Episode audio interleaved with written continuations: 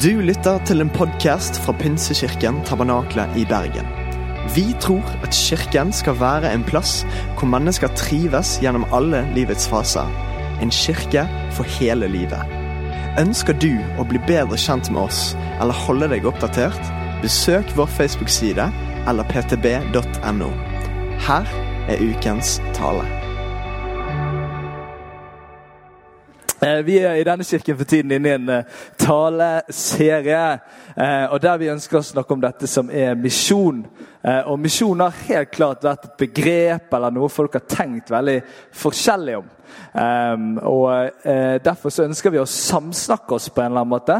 Det handler ikke om å styre det sånn at alle tenker likt, men å prøve å se kan vi se noe vi kan se felles på med dette å være eh, en menighet som gjør misjon, eller være mennesker som gjør eller er misjon. Og Det er nydelig, og derfor har vi denne taleserien nå. og Vi startet med å snakke om at vi var med i Guds misjon i denne verden. Det er Han som gjør det, og vi får være med på det. og Han er en hensiktsdrevet Gud som har en plan fra start til slutt, og vi får være en del av det og kobles på det. Og så fikk vi lov til å vite at vi først og fremst er. Vi er elsket, vi er Guds barn. Vi får lov til å stå med det som utgangspunkt. Jeg har veldig lyst til å oppfordre deg til å høre den podkasten eh, av Ida Pettersen her som var forrige søndag. Fordi at det er helt klart at Hvis man ikke har hørt den og bare hører min tale i dag, så kan det være at man kan lande litt skeivt ut. Eh, så jeg har bare lyst til å oppmuntre deg til det og høre den podkasten. Eh, for det er litt grunnlaget for det jeg skal si i dag. Jeg skal prøve å være reflektert rundt uh, helheten i dag òg, det er helt klart at vi har en serie som henger litt sammen. Um, og den uh, preken, eller det jeg skal holde i dag, det er en sånn uh, preken som jeg egentlig ikke har lyst til å ha. jeg har egentlig lyst til å droppe den, og jeg har hatt ganske mange kamper inni meg på å droppe den. Og det som er interessant er at Jeg har liksom både den drakraften samtidig av at jeg har lyst til å droppe den, og så skjønner jeg at her er det et eller annet så utrolig viktig. Eh, og, og, og, Det er en sånn dragkamp jeg ofte lever i. og Grunnen til at jeg ofte kjenner på at jeg har lyst til å droppe noe, er fordi at jeg er så redd eh, for at det skal misforstås, eller at det skal lande i noen på en måte som jeg ikke mente. eller at noen skal gå ut den døren og, og, og være nedtynget av noe som jeg jeg ikke tror at vi har noe å gi her som er nedtyngende. i det hele tatt. Men jeg vet at det er noen emner noen temaer som både Bibelen snakker om, og som vi er ikke så flinke til å snakke om i vår tid, som kan treffe litt sånn vanskelig inn i den tiden vi lever i. Kan treffe litt vanskelig inn i de menneskene vi er i 2018, som er litt annerledes enn de menneskene som hørte det som ble skrevet i Bibelen, og den ble skrevet, og som gjør at det er noen sånne fallgruver av, av at det kan falle feil. Og de fallgruvene de er jeg så ufattelig redd for. De gjør at at jeg har lyst til å, å, å, aldri snakke om dem bare fordi jeg er så redd for at noen skal ta noe annet ut ifra det og gå ut av dette rommet med noe helt annet enn det vi egentlig har å gi. Derfor har jeg lyst til å utfordre deg eh, på å ønske å forstå når vi rører ved noen bibeltekster som er ufattelig vanskelige som sier ting rett ut. som man tenker sånn, er det egentlig, Står det i Bibelen? Er det Gud de snakker om? Så jeg har lyst til at du skal være med meg. Prøve å gå inn i det, prøve å være i det. Prøve å se noe. Men du får ikke lov til å, til å forsvinne inn i et eller annet som ikke er bra. All right? Vi har snakket om å være at vi er. Og så vet vi at være og gjøre på en eller annen måte henger sammen. Det er ganske vanskelig å være uten å gjøre noen ting. Sånn er det bare. Det henger sammen i en eller annen form. Samtidig så ser vi at mange ønsker å bli værende i dette gode budskapet om at vi er elsket, at vi er gode nok som vi er. Alle disse sannhetene som er så sanne at de aldri får lov til å rokkes ved men som samtidig fører til handling, og som samtidig fører til å gjøre noe, så er det noen som ønsker å bli værende i dette været. Og så kan det så fort ende opp i noe som kan ligne på en type passivitet, eller et ønske om å liksom bare slippe å gjøre noe, eller ønske om å bare bli akkurat der man er, fordi at det kan virke litt utfordrende eller litt greiere å liksom gå videre. Jeg tror vi er kalt til å være og til å gjøre og at de henger sammen. Jeg skal prøve å legge det ut for deg så bra jeg kan. Jeg har slåss med Bibelen. Jeg har slåss med Gud, og jeg skal prøve å uh, gi noe til deg her i dag. Er det greit? Kan jeg be en bønn? Takk, Gud, for at uh, du gjør noe fra ordene mine går ut til de lander i hjertet. Ber Gud om at du skal være på jobb her i kveld. Du skal være aktiv inn i menneskers hjerter, inn i menneskers refleksjoner og tanker. Sånn at det er din vilje og dine sannheter som kommer ut her. Og at det er din kjærlighet som driver oss. Om det er til et uh, annerledes liv enn det vi lever i dag, eller om det er til å snu på noen tankerekker, eller om det er å se noe nytt av deg, så ber jeg om at det er du som gjør det, Gud. Amen. Amen. Er det noen som ser på sjakk for tiden? Ja, det er jo ufattelig inspirerende å se at noe kan være så kjedelig og spennende på samme tid. Det må jeg bare si. Jeg, jeg prøvde meg her i noen timer. Det det ble tre fotballkamper på en skjerm på siden der etter hvert. Jeg synes jo Det var jo litt sånn. Men det som er greien da med sjakk, er at det er jo fascinerende å tenke hvor mange trekk Magnus Carlsen er fram i tid når han sitter der og tenker med sitt over gjennomsnittet store hode. sant? Man tenker jo at det må ikke dere ta. Men det, han er bare full av hjerneceller. sant? Det er helt vilt. Sitter han og tenker, og så er han sånn derre jeg vet ikke hvor mange trekk det går an. Jeg, hørte at i lynsjakk var han en gang 20 trekk sannsynligvis før. Eh, før dette, altså fra det trekket han tenkte. Og Der det ene trekket fører til det andre trekket til det tredje trekket, så fører det til noe til slutt. Sånn er det i denne sjakkens verden. Eh, og eh, Jeg har lyst til at du skal ha dette litt i bakhodet når vi leser denne over gjennomsnittlig vanskelige teksten fra Bibelen. Jakobs brev 2, vers, eh, kapittel 2, vers 14-26. Hva hjelper det søsken om noen sier han har tro, når han ikke har gjerninger? Kan vel troen frelse ham? Sett at en bror eller søster ikke har klær og mangler mat for eh, dagen, og en av dere sier til dem, 'Gå i fred, hold dere varme og spis dere mette'. Hva hjelper det dersom dere ikke gir dem det kroppen trenger? Slik er det også med troen. I seg selv, uten gjerninger, er den død. Kanskje vil noen si, 'Du har tro, jeg har gjerninger'. Vis meg din tro uten gjerninger, så vil jeg ut fra gjerningene vise deg min tro. Du tror at Gud er én. Det gjør du rett i. Også de onde åndene tror det og skjelver. Du tankeløse menneske. Vil du ikke innse at tro uten gjerninger er til ingen nytte? Var det ikke pga. gjerninger at vår far Abraham ble kjent rettferdig da han bar fram Isak, sønnen sin, som offer på alteret? Slik kan du se at troen virket sammen med gjerningene hans, og gjennom gjerningene ble troen fullendt. Dermed ble dette skriftordet oppfylt. Abraham trodde Gud, og derfor regnet Gud ham rettferdig, og han ble kalt Guds venn.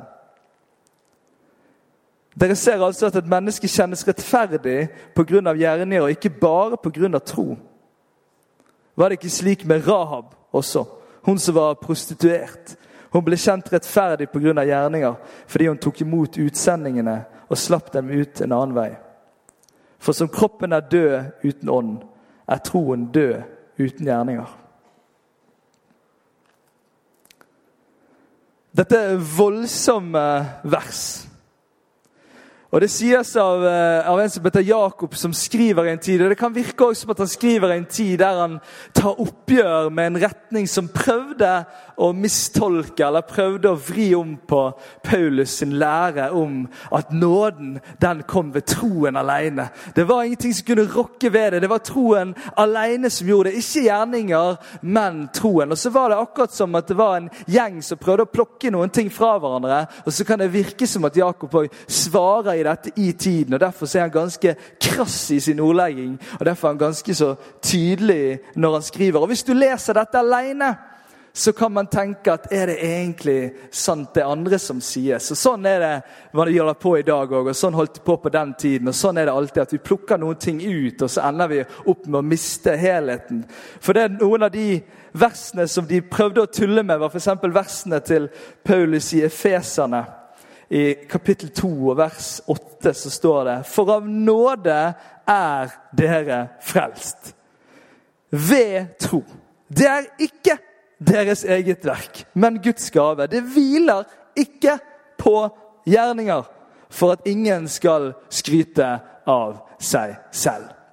Og Det er så tydelig og så klart og så bankende hardt at det går ikke an å vri på det. Og det går igjen og det går igjen, og du kan finne det flere steder. Samtidig så er det sånn at noen stopper opp der og så prøver de å vri på dette. Så prøver de å si at da trenger vi kanskje ikke gjøre noen ting. Da Da kan troen bare være en eller annen sikkerhetsnett som vi kan holde i når vi er på den dagen vi dør. Og så kan livet være akkurat det samme som det er. Og så prøver man å finne fins det en vei her der jeg kan slippe å gjøre noe, bare være. Og så kommer kommer det verset etterpå. I vers 10 så står det For vi er Hans verk, skapt i Kristus Jesus, til gode gjerninger som Gud på forhånd har lagt ferdige for at vi skulle vandre i dem. Vi er hans verk. Det betyr at det ligger ikke bare som en sånn, eh, en sånn oppegreie det at vi skal gjøre gode gjerninger. Men vi er hans verk, og han er en som gir. Han er en som gjør gode ting. Og vi er hans verk, og vi får være med på det samme som han har lagt klart for oss. Det er en sammenheng mellom å være og gjøre. Vi er elsket, og vi er sendt. Og Vi må tenke noen trekk fram her når vi leser dette Jakob sier. For når jeg leser det, så får jeg ikke det til å gå opp. At det er gjerningene som avgjør det hele. At det er gjerningene som frelser. Det er mange som har prøvd å utnytte dette verset til å nemlig komme fram til den tanken om at det er det du gjør, som er viktigst. Og det er det vi må gjøre regnskap på. Og så kan vi se om du kan være med på dette eller ikke. Som handler om kristen tro eller menighet eller tjeneste eller hva det skulle være. Det går ikke opp i det jeg ser av resten av Bibelen. Samtidig så kan man se her at det er noe med at troen gir mat til Nei, gjerningene gir mat til troen. Og når troen ikke får mat, så kan konsekvensen bli at den til slutt dør. Hvis det vi gjør, ikke samhandler sam, Samhandler Der kom det en sånn fin dialekt inn. Ikke samhandler med det vi er, så vil vi til slutt bli det vi gjør.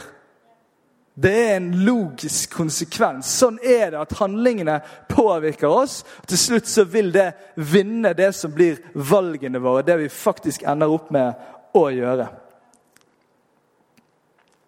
Og om vi da, det vi gjør, aldri har noe med Gud å gjøre, så vil vi til slutt kanskje ikke ha noe med Gud å gjøre. Dette virker å være en av de aller ytterst få måtene vi kan falle utenfor Guds kjærlighet og frelse. Det at vi til slutt ender opp med å ikke ville ha den sjøl. Det er veldig få andre ting når vi leser Bibelen i sin helhet, som ender opp med at folk kommer utenfor enn det som gjør når menneskers egen vilje sier 'jeg trenger ikke, jeg vil ikke ha'. For det er noe ulogisk, og det er akkurat som at det er det Jakob prøver å gripe litt tak i. For det er noe ulogisk i at det man er, ikke fører til noe man gjør. Det går ikke opp, eller som min farfar hadde sagt det, da henger ikke på greip.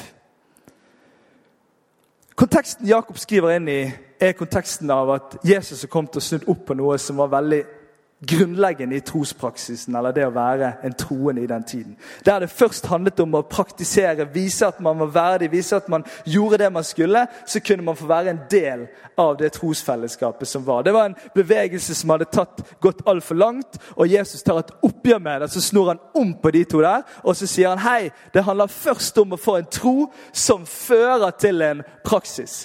Vi begynner med troen. Troen er en gave. Det er derfor jeg har kommet, sier Jesus, for å gjøre at alle kan få lov til å være med. Og så fører denne troen, det fellesskapet sammen med Jesus, til handlinger som forandrer verden.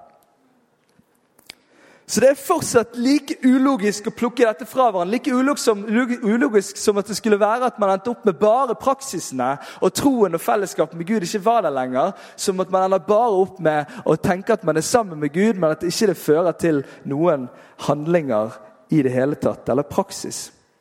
Og Det er akkurat som at det ligger noe i vår menneskelige natur i dette. Dette, dette ønsket om om, om å, vinne noe ut av ingenting. Dette, denne, jeg husker da jeg var liten, denne, denne, Tenk hvis jeg finner en 200-lapp på gaten! Sant? Etter hvert så skjønte man at man burde levere den til nærmeste butikk, og de kunne melde den savnet. holdt jeg på å si. 200 kroner var veldig mye på den tiden. Eh, altså, altså man, man hadde en sånn greie det å vinne i Lotto. eller det er en sånn greie hos mennesker sånn at Tenk hvis jeg bare får alt dette uten å gjøre noe med det! Tenk hvis! liksom, jeg bare en dag våknet opp, hadde jeg alt dette uten å ha gjort noe med det. Det er et eller annet sånn fristelse inni mennesket til å liksom få noe uten å gjøre noe for det. Og Der ser vi litt at det har vært bevegelse noen ganger i kristne settinger. Der vi samtalen blir veldig ofte om hvor lite kan man gjøre, liksom. Hvor lite kan man handle for at man fortsatt er innenfor? Og, og, og man har slåss veldig med denne tematikken her, fordi at det har vært litt sånn her, eh, snakket dårlig om det tidligere. Så da ble det en sånn, her, jeg håper å si, en sånn eh, respons på en dårlig snakking som hoppet over i andre grøften. Sant? Der man snakket så heftig om alt man skulle gjøre, at folk trodde at de ikke var eh, kristen på kvelden hvis ikke de hadde gjort alt de skulle gjøre den dagen. Og så hoppet man over i andre enden, og så har man endt opp med en tro som ikke fører til noen praktiske konsekvenser i livet. Og så må vi se om det fins noe her på midten som går an å leve i. Det fascinerende er at når det kommer til det å skulle bli frelst, så har vi plutselig et ønske om å gjøre noe igjen. Da har vi plutselig lyst til å si sånn ja, men 'Jeg har jo gjort dette og dette, jeg fortjener det vel litt.' Grann. Og så kommer den menneskelige naturen igjen på motsatt side. Og så begynner han å si sånn hei, hei, jeg, har jo, jeg burde jo, jeg har jo vært litt bedre, og jeg har hjulpet litt til her. og hei, Jeg må ikke si det så tydelig at jeg er helt håpløs og at Gud har gjort alt for meg. Sånn? Altså, I oss der så virker det på forskjellige sider, og så må vi bare forstå når det kommer til handlinger og når det kommer til å være menneske i vår tid, så lever vi i en spenning med Guds vilje. Som gjør at inni oss skjer det av og til ting som vil være imot det som er sant. Og vi har lyst til å finne andre løsninger enn det. Og her tror vi er i berøring med noe av bare erkjenne at det er litt fight. Det er litt fight her. Det er litt fight på å tro at det er nok å bare være en som sitter en plass uten å få lov til å bruke det som vi har fått, eller og ende opp med sånn at jeg fikser alt, og det er det som gjelder. Her må vi finne ut om det fins noe. Og Da skal vi gå inn i en vanvittig bibeltekst her i dag. Og Den står i Mattias 25, og vers 14 30.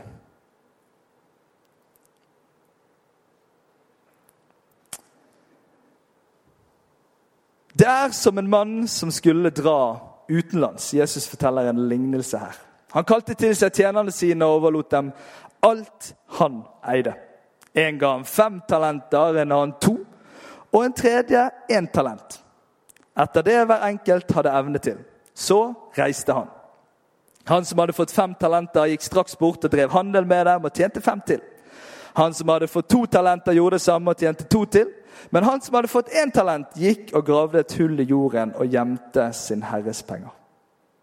Da lang tid var gått, kom tjenerens herre tilbake og ville holde regnskap med dem. Han som hadde fått fem talenter, kom fram og hadde med seg fem til. og, og sa, 'Herre, du ga meg fem talenter. Se, jeg har tjent fem talenter til.' Herren svarte, 'Bra, du gode, tro tjener. Du har vært tro i lite, jeg vil sette deg over mye. Kom inn til glede hos din Herre.' Og så han med to talenter kom fram og sa, 'Herre, du ga meg to talenter, så jeg har tjent to til.' Herren han svarte det samme. 'Bra, du gode tro tjener. Du har vært tro i lite, jeg vil sette deg over mye. Kom inn til gleden hos din Herre.' Så kom også han fram som hadde fått én talent, og han sa, 'Herre, jeg visste at du er en hard mann, som høster hvor du ikke har sådd, og sanker hvor du ikke har strødd ut.' Derfor ble jeg redd og gikk ut og gjemte talentene mine, din, talentene dine i jorden. Se, her har du ditt. Men Herren svarte ham. Du dårlige og late tjener. Du visste at jeg høster hvor jeg ikke har sådd, og sanker hvor jeg ikke har strødd ut. Du burde overlatt pengene mine til dem som driver med utlån, så jeg kunne fått dem igjen med renter når jeg kommer tilbake. Ta derfor talentene fra ham og gi dem til ham som har de ti talentene. For den som har, skal få, og det i overflod. Men den som ikke har, skal bli fratatt selv det han har. Og kast den unyttige tjeneren ut i mørket utenfor, der de gråter og skjærer tenner. Altså, det er jo, det er jo helt voldsomt. Hele greiene. Vi må ta det litt steg for steg her. ok? Når han starter denne bibelteksten med å si 'det er som', så er det Guds rike han snakker om, eller Guds misjon i verden. Det har nettopp vært en lignelse om brudepikene som venter på at Jesus skal komme igjen, og så bruker han det samme i forhold til det er som. Det er Guds rike det er snakk om, det er Guds misjon i verden det er snakk om. Det er dette et bilde på det. Og Det er et bilde på en Gud, som, at Gud er Herren som gir alt han har. Og Det er vårt utgangspunkt. sant? Han har gitt alt han har. Han gir sin sønn. Han har gitt alt for oss. Han har gitt all sin kjærlighet til oss og gjort alt for oss. Denne Herren gir alt til sine tjenere. Og disse tjenerne det er vi som tror. Det er de som har valgt å stille seg under denne kjærligheten. Så jeg vil leve i denne kjærligheten og leve på den og gi den videre ut i den verden som jeg er en del av. Og det er tjenerne. Og så gir han talenter etter evne. Og disse talentene det er ikke noe man er flink til. Det skjønner man når man sier 'etter evne'. Sant? At det ikke handler om å være flink til noe. Det handler om en pengesum eller eh, en kapital. noe som snakker om at det er, en, det er en sum penger eller en, en, form for at noe du kan ha, så du kan da forvalte sant? og få det til å vokse. Det ser vi videre i fortellingen her. Han gir talentene etter evne. Og Her kommer vi til en sånn berøring der vi blir sånn, Var det noen som liksom hadde mer evner enn andre? og Det er riktig. liksom Guds sammenheng, er det egentlig sånn? Og så må vi bare forstå at når vi er Guds menighet i det å få lov til å være med og gjøre, så er vi forskjellige. Og det er det som er Poenget Poenget er ikke alltid at det skal være mer eller mindre, eller sånn eller sånn, men det handler om at vi er forskjellige og har vår forskjellige plass. Det ligger som en sånn grunnleggende greie av å være kristen sammen. At vi er en kropp med forskjellige deler, og vi er de forskjellige delene. Og har forskjellige oppgaver. Så ikke heng deg opp i det der. Det er ikke, poenget er ikke mye eller lite, men at vi får være med noe, får noe, og ta det med videre. Og så kommer det til de gode forvalterne. De tar dette som de får, og så satser de. Det er litt risiko i det, det er litt målrettet i det, det er noe handel i det, det er noe gi og få tilbake. Det er, det er en handling, en prosess, og så skjer det noe. Og de går og de dobler disse eh, talentene som de har fått. De dobler den eh, ressursen eller det, det, de har fått. Kan, hvis vi snakker her om hva bildet er på talenter, sant, så kan vi snakke om det som Gud gir oss av, av gaver, av utrustning, av, av, av, um, av ledelse. Sant? Det ligger masse i dette symbolet i forhold til det han gir av talenter denne kapitalen som vi får å forvalte. Og De forvalter, de er de gode forvalterne som tar dette og tar det videre, videre inn, og det vokser og det dobles. Jeg har prøvd å lage et regnestykke her i dag. Jeg er ikke så veldig fan av matematikk, egentlig. Men Jeg ender ofte opp med sånne regnestykker, men det er veldig bra, for da skjønner alle når jeg har laget et regnestykke. Men det regnestykket det er sånn at jeg sant? Jeg er tjeneren. Jeg pluss Nå må dere følge med her. Talenter, sant? Det som jeg får av Gud. Det jeg har fått av Gud. Nå må jeg ikke gå for langt unna.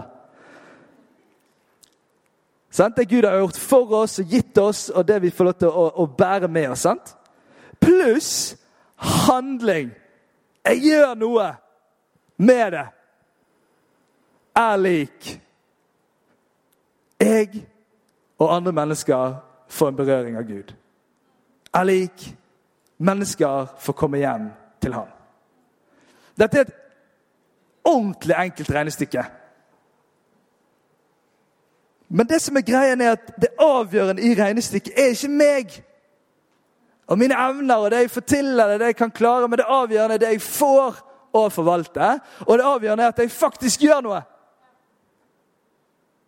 Og vi ender veldig opp med å tro at det er denne delen som er avgjørende, nemlig jeg.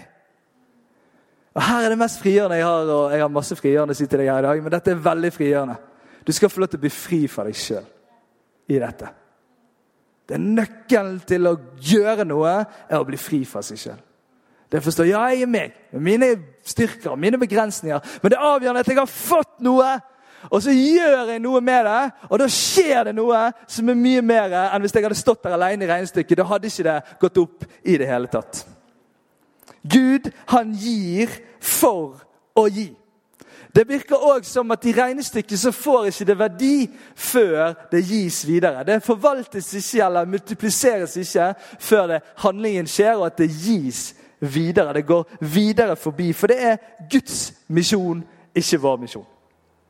Konsekvensen og frukten er at det vil alltid gå forbi vårt liv, men alltid gi noe oss, til oss på veien. Det vil alltid gå forbi våre liv, det vil alltid være større enn våre liv. Men når vi er med i det, så gir det òg oss noe.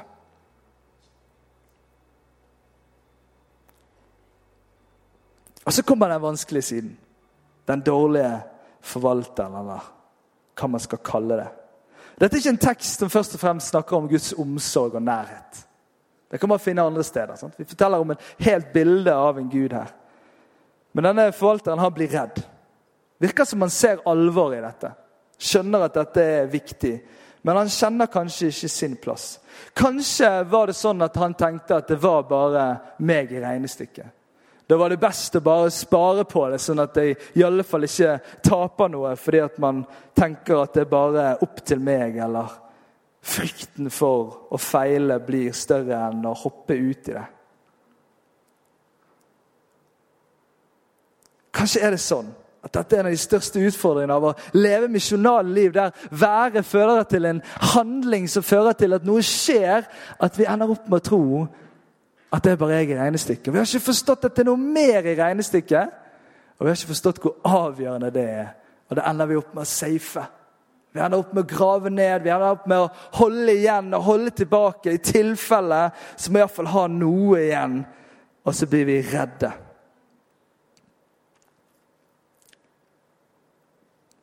Jeg glemmer at det han har fått, gir kraft i seg sjøl. Det er kraftgivende i seg sjøl, det som han har fått. Det er ikke avgjørende av min kraft i utgangspunktet. Amen? Ja, Det er virkelig bra. Amen. Det er sånn kristen for at du er enig og sånn. Noen ganger så blir vi også usikre på hva vi skal gjøre. Det er sånn jeg sitter og tenker at Nå har Magnus Carlsen gitt opp. Og han har sittet der i 15 minutter uten å gjøre noen ting. sant? Noen ganger blir vi i denne tenkepausen at vi ender opp med å tenke ja, men hva er det jeg skal gjøre. Hva er det egentlig? Og jeg må finne ut av dette, jeg må grave og lete. Og så ender man opp med at man bare blir der i gravingen, og så finner man ikke helt ut hva man skal gjøre. Og når jeg kjører, lærte meg å kjøre når jeg kjørte, når jeg lærte meg å kjøre bil, så er det sånn at når jeg kjører den bilen, så skjønte jeg at, at eh, det er mye lettere å svinge på rattet når motoren er i gang. For da kommer det sånn servostyring på. I alle fall på biler i dag. Var ikke sånn, ja, jeg tuller. Og, og, og, da er det motoren kommer igjen, så kommer servoen på. Det gjør det litt lettere. Samtidig så er det ofte litt tyngre å vri på rattet når bilen står i ro, enn når man kjører framover. Og Dette er et banalt bilde på at vi noen ganger trenger bare å komme litt i gang. Vi trenger å komme litt i bevegelse. Vi må ikke være sånne kristne som bruker hele livet på å finne ut av hva vi skal gjøre hva vi skal gjøre, hva er det egentlig? Og så begynner man, altså, så liksom 17 000 life-gruppetimer på det, liksom. Eh, altså, Skjønner du hva jeg mener? At vi må begynne å gjøre litt. Grann, oi, oi, oi. at Når vi kommer i bevegelse, så er det ikke så himla viktig om vi gjør et eller annet feil. av og til. For det er så mye lettere å styre når man er i bevegelse. Det er så mye lettere for Gud å gripe inn når vi har sagt jeg løper rundt etter Gud, men jeg aner ikke hvordan det kommer til å gå. Jeg kan være tryner han, og det går bra å tryne han. Må ikke skrike så høyt, skal du si. Sant? La oss komme i bevegelse, folkens. Det er så, og det kan virke så fristende noen ganger å grave det ned. Holde tilbake, eller snakke ned det man har fått, eller tvile på det. Og Nå skal du høre noen sannhetens ord over livet ditt. Det er at du har fått noe. Det er en sannhet at du har fått noe. Du har fått noe som du skal få lov til å forvalte. Av utgangspunktet av å være elsket, av å få lov til å være Guds hellige, få lov til å stå der i det utgangspunktet, så har du fått noe som du skal få lov til å forvalte. Og det nydelige er at Gud er større enn denne Herren i denne fortellingen. For Han stikker ikke av gårde og sier lykke til, men han er med oss hele veien. ok? Det er større enn deg. Men du har noe som du kan bruke. Jeg får lyst til å synge sånne enkle barnesanger. Sant? Du har noe ingen andre har Ser dere det?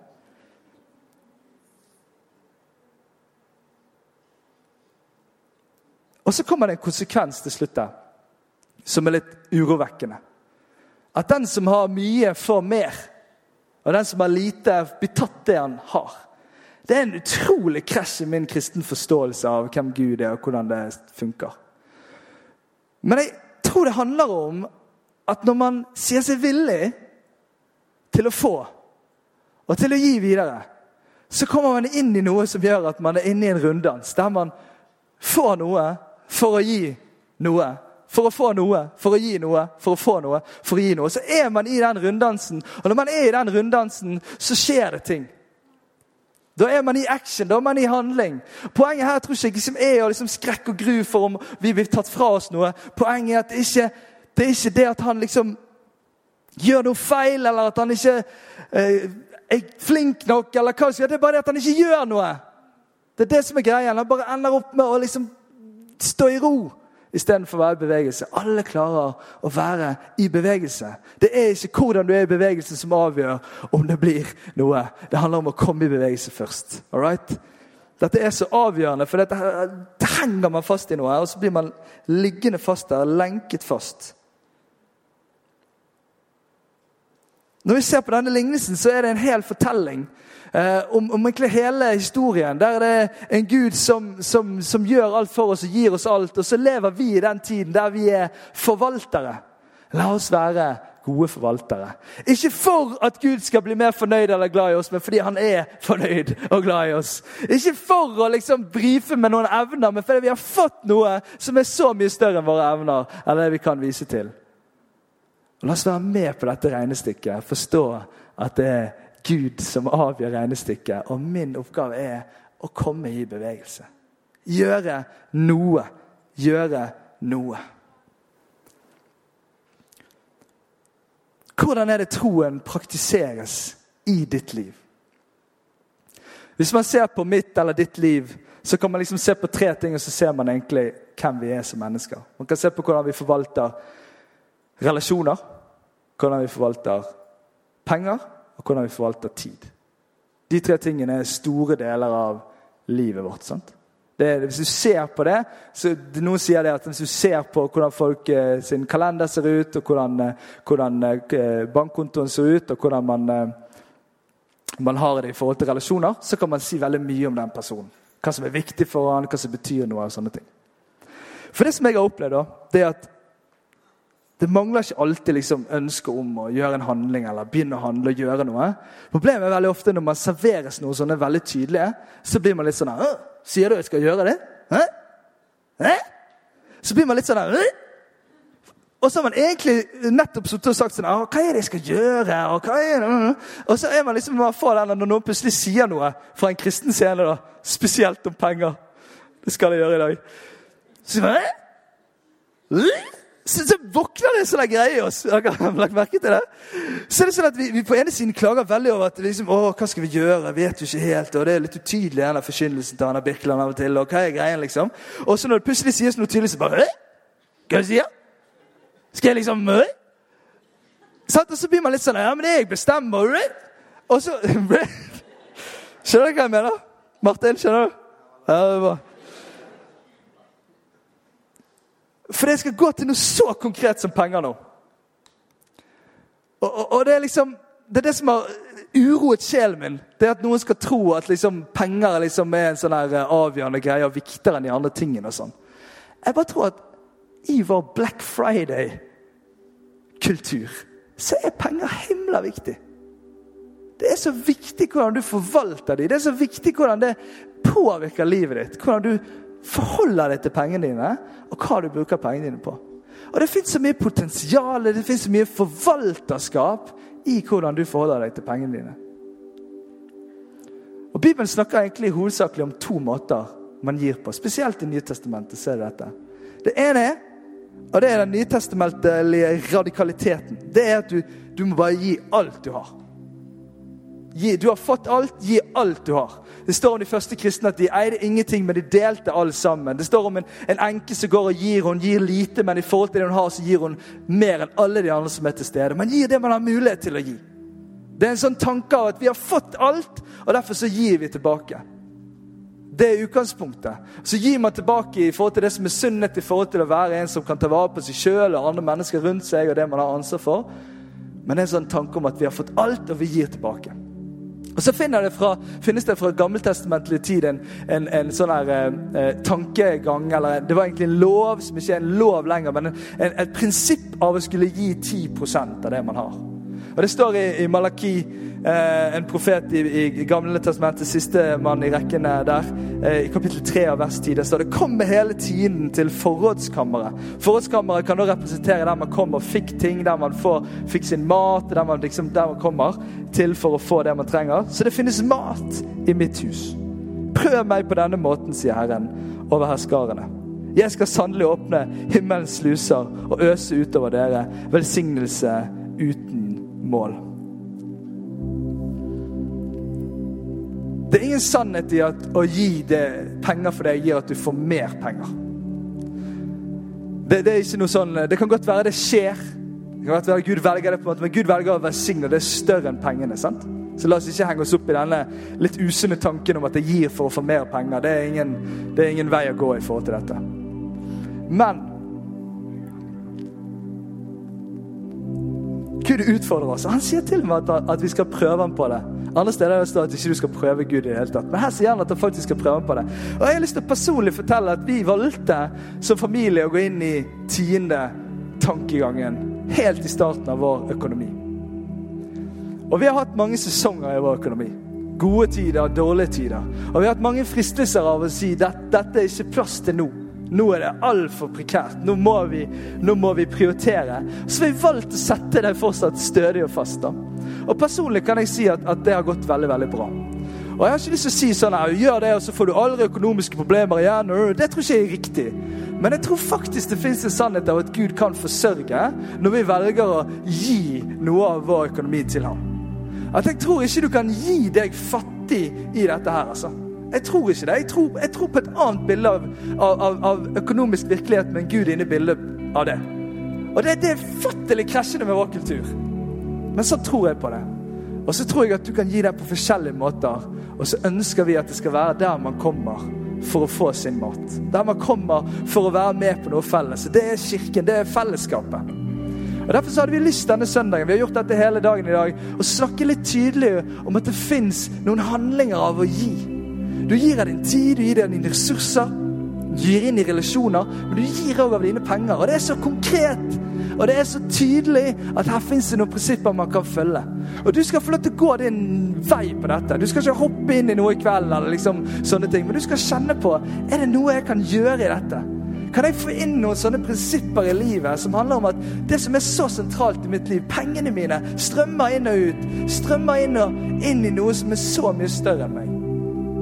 Ikke fordi at denne kirken liksom nå er på økonomisk eh, konkurs. Det finnes ingen sånn bakgrunn for dette. Det er fordi vi ønsker å være en kirke som ser behovet og gjør noe med det. Vi ønsker ikke at økonomien skal være et sånt hinder i dette.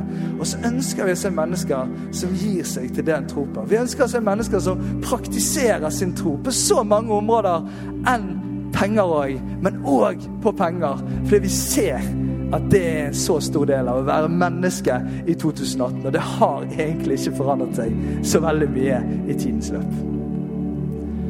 Så nå skal du få muligheten til å gi en gave. Og du får ikke lov å koble den på en eller annen greie om at nå skal du gjøre Gud glad, eller et eller annet sånt. ok? Det, det, det, det er ikke, det er ikke rom for det. Avslør det. Det hører ikke hjemme. Men du skal få lov til å tenke at jeg er med på noe større. Jeg er med på Guds misjon i denne verden, og en konkret måte er å være med og gi. Og For Kirken og for deg så er det den faste måten å gi på som er helt avgjørende. Da vet man hva man har å forholde seg til som kirke, og da får du inn en vane som fører til en måte å være og leve på av å gi. Så hvis du ønsker det, så har du mulighet for å være med og gi fast i denne kirken med avtalegiro. Jeg liker ikke når folk sier at du kan ja, Da trenger ikke du å tenke på det. Jeg liker å tenke på det. At jeg gir. Jeg ønsker å være en som gir. Jeg ønsker å se de pengene gå ut av nettbanken min. For det er viktig for meg å være med og gi og være med på noe større på den måten. være konkret på det. Men det er en trygg og god måte å gjøre det på som gjør at det, rytmen kommer inn. Og man finner en god måte i det. Du skal få lov til å gi. Jeg har lyst til å be en bønn til slutt. Og nå når vi skal ha litt sånn gi-stund her, så, så er det lov å bevege seg i rommet. Det er en, en, en kortterminal bak der. Det Det er avtaleskirer bak med Insto-stand hvis du ønsker å ta med deg det. Eh, og det er vips selvfølgelig og sånne ting. Eh, men jeg har bare lyst til at det skal være litt mer sånn rolig stund. Jeg elsker våre gaver til vanlig når vi beveger oss rundt og hilser på hverandre og drikker litt kaffe. Eh, men nå har jeg lyst til å utfordre deg til å reflektere. Og ikke la det bare handle om penger. da. La det handle om hvordan er det trospraksisen ser ut i mitt liv. Hvordan ser det ut nå? Hvordan ønsker jeg at det skal se ut? Hva, hvilket steg ønsker jeg å ta i dette? For jeg har fått noe som jeg ønsker å forvalte. Takk, gode Gud, for at du har elsket oss først. Takk for at du har gjort alt for oss før vi fikk gjort noen ting tilbake. Av noe slag på noe som helst måte. Nå ber jeg Gud om at du må vise oss hvordan vi kan være med å gi. Hvordan vi kan være med å gi og gjøre noe, Herre. Om det er å gi av vår tid eller våre ressurser eller penger, Herre. Jeg ber. Må du vise oss hvordan min tro, vår tro, kan få konkrete, praktiske utløp i den uken som kommer her. Hvordan vår tro kan føre til handling som fører til forvandling i oss og inn i andre menneskers liv. For du har gitt oss noe, Herre, som vi får lov til å bære og ta videre. Takk for at du er med.